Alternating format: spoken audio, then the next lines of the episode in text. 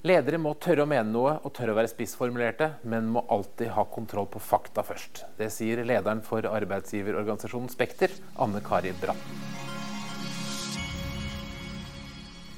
Eh, Anne Kari Bratten, som administrerende direktør i Spekter, som da er eh, organisasjonen for de største arbeidsgiverne, så må vel føle forventninger at dere skal være den perfekte arbeidsgiver og du den perfekte leder? Ja, absolutt. Må, man, gå, man, må jo gå fram med et godt eksempel. Hva er kjennetegnet på god ledelse? Det tror jeg er veldig avhengig av hvilken setting du er i. Altså når jeg leder de som jobber i Spekter, så har jeg alltid tenkt og hatt gode erfaringer med at eh, det er én viktig dimensjon som alltid virker. Og det er den dimensjonen som heter at du stiller veldig høye krav, samtidig som du gir veldig mye støtte. Så jeg har alltid eh, i min ledelse av Spekter hatt veldig god nytte av å tenke krav-støtte-dimensjonen. Nå jobber det veldig mange mennesker med veldig høy kompetanse her. Eh, og de trenger å bli stilt krav til. Og jeg prøver å oppjustere kravene til de jeg ser er i stand til å håndtere det. Slik at det blir eh, jeg vil ikke si det blir eh, umenneskelig, men det blir i hvert fall strenge krav. Høye krav, da. Høye forventninger. Samtidig som jeg hele tiden prøver å være der og støtte dem når de skal nå de kravene. Fordi jeg tror, jeg har erfaring for at det lykkes. Folk liker å bli stilt krav til, men da må de også forvente å få støtte. Så jeg prøver å balansere det. Når var du første gang selv opplevde god ledelse? Altså se god ledelse, eller bli utsatt for god ledelse? Altså, jeg må jo si at eh, Hvis vi skal være litt sånn overordnet på det, så tror jeg at eh, det, man må liksom nesten tilbake til foreldrestrukturen, til familiestrukturen. altså Oppdragelsen, hvordan jeg ble oppdratt. Da var vel da jeg opp, opplevde ledelse på en tydelig måte. Ellers er det klart at eh, jeg har hatt ledere som har gjort akkurat det med meg som jeg gjør med andre, nemlig stilt veldig høye krav til meg og gitt meg støtte. Og særlig i den tiden jeg jobbet eh, i Jernbaneverket, hvor eh, jeg var organisasjonsdirektør, så hadde jeg ledere som stilte høye krav til meg. Og da jobbet jeg i en stab eh, hvor jeg satt i en ledergruppe hvor alle var opptatt av jernbane, og jeg var opptatt av staben. Så der var jeg veldig alene. Og da hadde jeg ledere som stilte krav til meg, men også ga meg støtte. da. Men Var det et bevisst valg for deg tidlig at du ville bli leder? At du ville ha en lederrolle? Nei, det var det ikke. Og det, det, er, det er, litt sånn som folk koketterer med det å si at alt kom som tilfeldig. Og sånn. Og jeg vil ikke si at min karriere har vært tilfeldig. Altså, jeg syns det er synes det er rart når folk sier sånn 'Å, jeg har aldri søkt noen jobber, alt har kommet så lett til meg', og sånn. Men sånn, sånn, er det jo ikke. Altså, det er jo beinhard jobbing. Jeg tenkte ikke at jeg skulle bli leder, men jeg var jo opptatt av å utvikle meg, bety noe for andre bety noe for uh, samfunnet. Og så utvikle meg, og så ble det ledelse etter hvert. Men det var ikke slik at jeg tenkte ledelse må jeg bli, for jeg er opptatt av makt og sånn. Men, men jeg, har, jeg, har, nok oppsøkt utfordringene og tatt imot de mulighetene jeg har fått. Da. Men dette kommer jo ikke gratis. Altså, jeg, som sagt, så synes jeg, jeg synes det er patetisk når folk sier at, ja, det bare ble sånn. For det blir ikke sånn. altså. Du blir ikke leder eh, Du får ikke svære lederjobber ved tilfeldigheter. Det er beinhard jobbing hele tiden. Har du noen oppskrift som du prøver å følge på liksom det å være en god leder? Nei, jeg, jeg, tror du må være eh, genuint opptatt av de menneskene du leder. Eh, og så må du være genuint opptatt av det produktet eller hensikten i den organisasjonen du er i. Jeg, jeg, tror ikke jeg kunne vært leder i en hvilken som helst organisasjon. Har, det har jeg faktisk tenkt ganske mye på de siste årene. At jeg syns det, det, er en gave å få være leder av Spekter. Altså, jeg får jobbe med medlemmer i virksomheter som betyr fryktelig mye for folk. Altså, det er helse, det er samferdsel, det er kultur. Det betyr veldig mye for folk. Altså, jeg syns at um, det er meningsfullt å få bidra gjennom min rådgivning overfor mine ledere med å bidra til bedre rammebetingelser for med, våre medlemsvirksomheter. Det eh, eh, gir meg mening i livet mitt, fordi da føler at jeg er med på å bidra til samfunnets utvikling. Og så har jeg respekt for at andre syns det er helt OK å lede kommersiell virksomhet og styrer rått mot en bunnlinje som skal gi noen eiere i andre land eh, penger på bok. Det, det, er greit. Helt OK. Fint at noen gjør det. Men jeg hadde ikke sett meg selv i en sånn rolle. Jeg syns dette er meningsfylt. Dette og offentlig sektor er det jeg har sett på som lederjobber som jeg tror passer meg, fordi jeg er helt avhengig av å tro på det jeg er leder. Jeg kunne ikke ledet noe jeg ikke hadde trodd på. Du har fått en del oppmerksomhet fordi du har uh, tatt veldig tydelige standpunkter som har vært uh, av mange oppfattet som litt uh, kontroversielle og ubehagelige. At kvinner må komme mer ut i jobb og uh, kutte deltid osv. Er det en viktig del av lederrollen, det å gå ut og ha de litt kontroversielle og ubehagelige standpunktene? Ikke nødvendigvis, men når man leder en politisk organisasjon, som en arbeidsgiverorganisasjon er, så må man jo tåle å, å mene ting som er upopulære. Eh, det, det, skjer ingen endring før noen tør å si det. Noen må si det, liksom. Altså Noen må si det, at vi har det forholdsvis godt her i landet. Vi må faktisk jobbe mer hvis vi skal kunne ha den velferdsstaten vi har vent oss til. Og så tenkte jeg at eh, jeg må, fordi jeg leder organisasjon som ikke er den største i mitt marked, altså jeg må jo si at jeg er lillesøster i forhold til NHO, så tenkte jeg at uh, da må jeg i hvert fall tørre å si noe veldig tydelig på noen få utvalgte saker. Og da var jeg opptatt av å få fakta rundt de sakene. Um, og de sakene du nevner rundt uh, det å jobbe mer og få deltidsarbeidende kvinner til å jobbe mer, det mener jeg er uh, saker som, uh, som, jeg skjønner kan være kontroversielle, for de treffer folks personlige valg. Men samtidig så mener jeg at når man, man hvis man har fakta på det, så mener jeg at man må som leder av en politisk organisasjon tørre å være tydelig. Hvilke reaksjoner har du fått? Jeg får, jeg får ulike typer reaksjoner. Jeg får veldig mange positive reaksjoner. Eh, det som kjennetegner de positive reaksjonene, særlig i starten, er at eh, de kom på sånn SMS eller på mail, eller møtte folk på gaten som sa sånn ja, jeg tør jo ikke si det høyt, men jeg er veldig enig med deg. Eller i min jobb så kunne jeg ønske jeg kunne si det samme som deg. så jeg mener Det Det var veldig mye sånn i det skjulte, da. Noen skjulte støtteerklæringer fra folk veldig høyt oppe i samfunnet og i det politiske systemet. Kunne ønske jeg kunne si det, men jeg kan jo ikke si det. Men du skal vite at jeg personlig støtter deg og sånn. Og så er det blitt litt mer og mer Etter hvert så er det flere og flere som sier noe av det samme som jeg mener, da. Så nå er det blitt mer stuerent. Eh, men Eh, jeg får også reaksjoner som er veldig negative. Eh, hvor folk føler seg personlig truffet. Når jeg f.eks. bruker ordet 'gjennomsnittlig', så er det noen som oppfatter det som 'du'. Når jeg sier at i Norge må vi gjennomsnittlig jobbe 165 timer mer per år, så er det noen som oppfatter det som at jeg sier at du må jobbe 165 timer mer per år. Eh, og da tenker jeg at når, jeg, når, folk tar det personlig, så har jeg antagelig truffet noe. Eh, og så er det selvfølgelig de ekstreme reaksjonene som jeg syns det har vært eh, overraskende mye av. Jeg var ikke forberedt på at de sakene jeg representerte, skulle forveksles med min person. Ehm, at man, eh, Når jeg sier at jeg syns f.eks.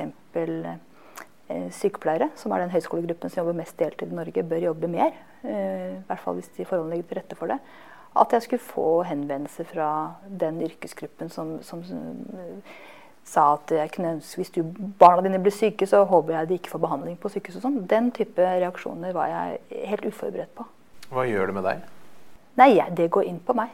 Jeg, jeg syns det er eh, veldig vanskelig å forstå. Jeg lurer på om det er kokettering når ledere sier at det går ikke inn på meg hva folk sier om meg. og sånn. Det går skikkelig inn på meg. Jeg, det går inn på meg når noen forveksler min person med den saken jeg står for. Eller når de bevisst misforstår budskapet og tror at jeg når jeg f.eks. sier at vi må legge forholdene til rette i arbeidslivet for at deltidsarbeidende kan jobbe mer, så er det mange som hører at jeg sier at dere er eh, late og har dårlig arbeidsmoral. Det har jeg aldri sagt. Det er meget høy arbeidsmoral hos folk når vi først jobber i Norge. Men vi jobber for lite timer. Jeg synes, eh, Det går inn for meg. Jeg liker det ikke. Jeg bruker for mye energi på å uh, irritere meg over Eller bli lei meg for sånne reaksjoner. Hvordan håndterer du det? Jeg, jeg raser litt og snakker med kollegaene mine, og snakker med familien min. Men kommenterer du tilbake hvis det er på sosiale medier, eller sender du mail tilbake hvis det er mail? Jeg har lagt meg på den linjen at hvis enkeltpersoner sier noe veldig nedsettende om meg, så ringer jeg dem. Mm. Hvordan reagerer de da? Nei, det, det, jo, det, er jo typisk norsk. Da er det full retrett ikke sant? med en gang. Setter vi girspaken i revers. Og nei, det var ikke sånn ment. Og, nei, og så, men folk er veldig romslige. da. De sier sånn så Jeg hadde aldri trodd du skulle svare sier de. Hvis jeg svarer på en mail eller på en SMS, Og takk for at du svarte, setter jeg veldig pris på. Jeg ser nå i ettertid at, du, at jeg tolket deg feil. og sånn. Så folk gir seg. Det er noe som skjer med disse sosiale mediene og nettet òg, som, som, gjør at alminnelig folkeskikk settes til side. Altså, når du og jeg sitter og snakker sammen, sånn, så er det grenser for hva du og jeg kan si til hverandre av nedsettende ting hvis vi skal holde oss innenfor den norske folkeskikken.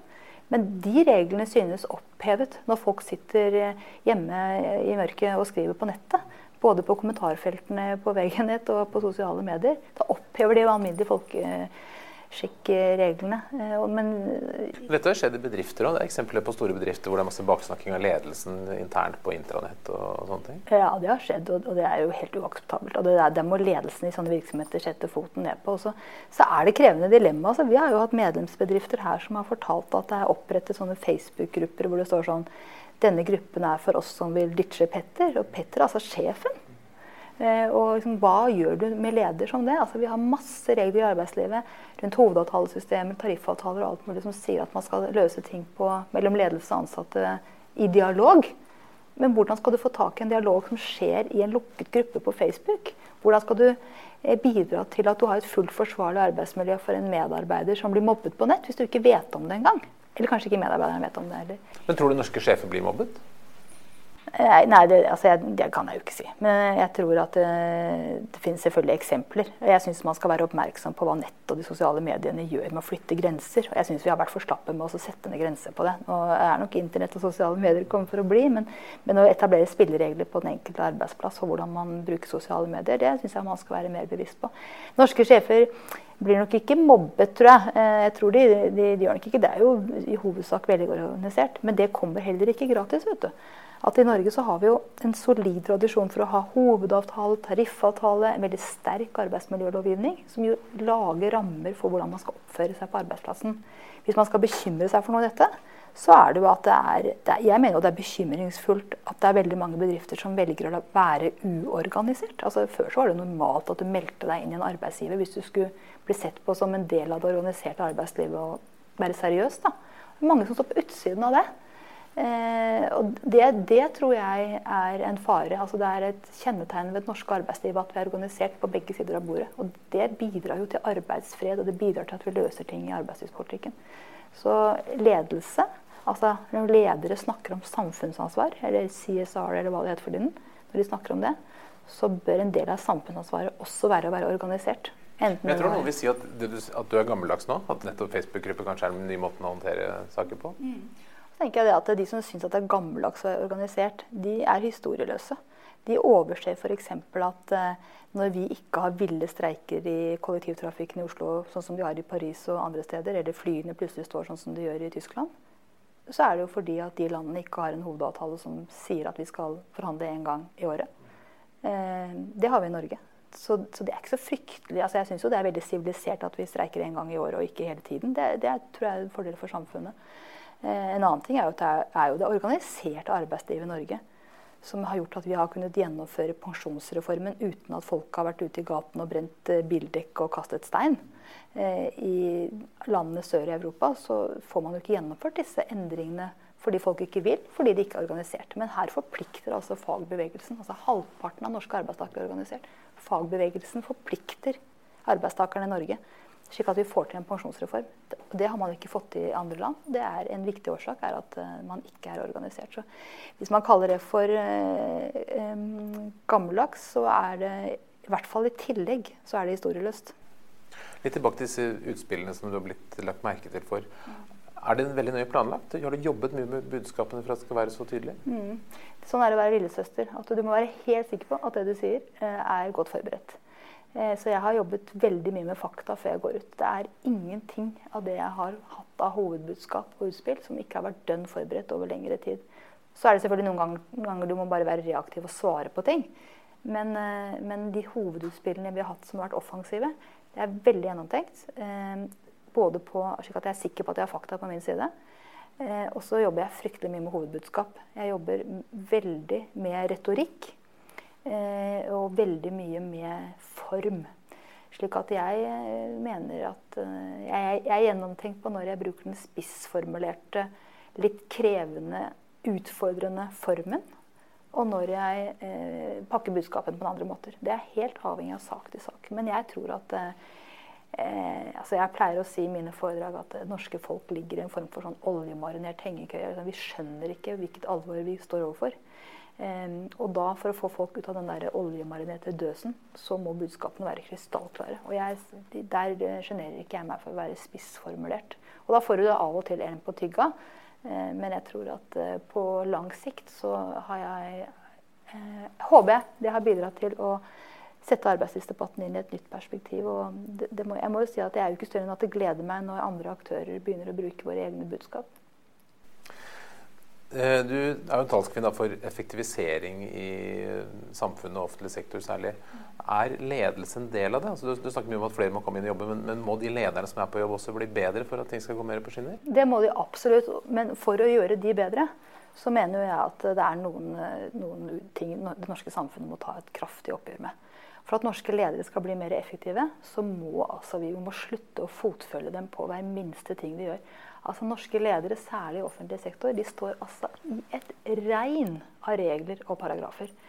Og det er altså en byråkratisering på en del store arbeidsplasser som både skyldes at de får masse tilsyn, revisjoner osv., men også fordi de er en del av konserner hvor rapporttyranniet tar helt overhånd. Og så er det litt viktig å være nyansert på det, fordi at noe av dette er jo politisk eh, bestemt. Hver gang Stortinget bestemmer en ny rettighet, så må det nødvendigvis sitte en annen leder et eller annet sted og se til at befolkningen får den rettigheten ivaretatt. Og da må det fylles ut noen skjemaer og alt mulig. Men, eh, men, det er i ferd med å ta helt overhånd. Altså. Det er eh, et, som sagt, et regn av regler og paragrafer. Og, og det der ordet jeg hører til og med i offentlig sektor, noe som heter 'compliance'. ikke sant?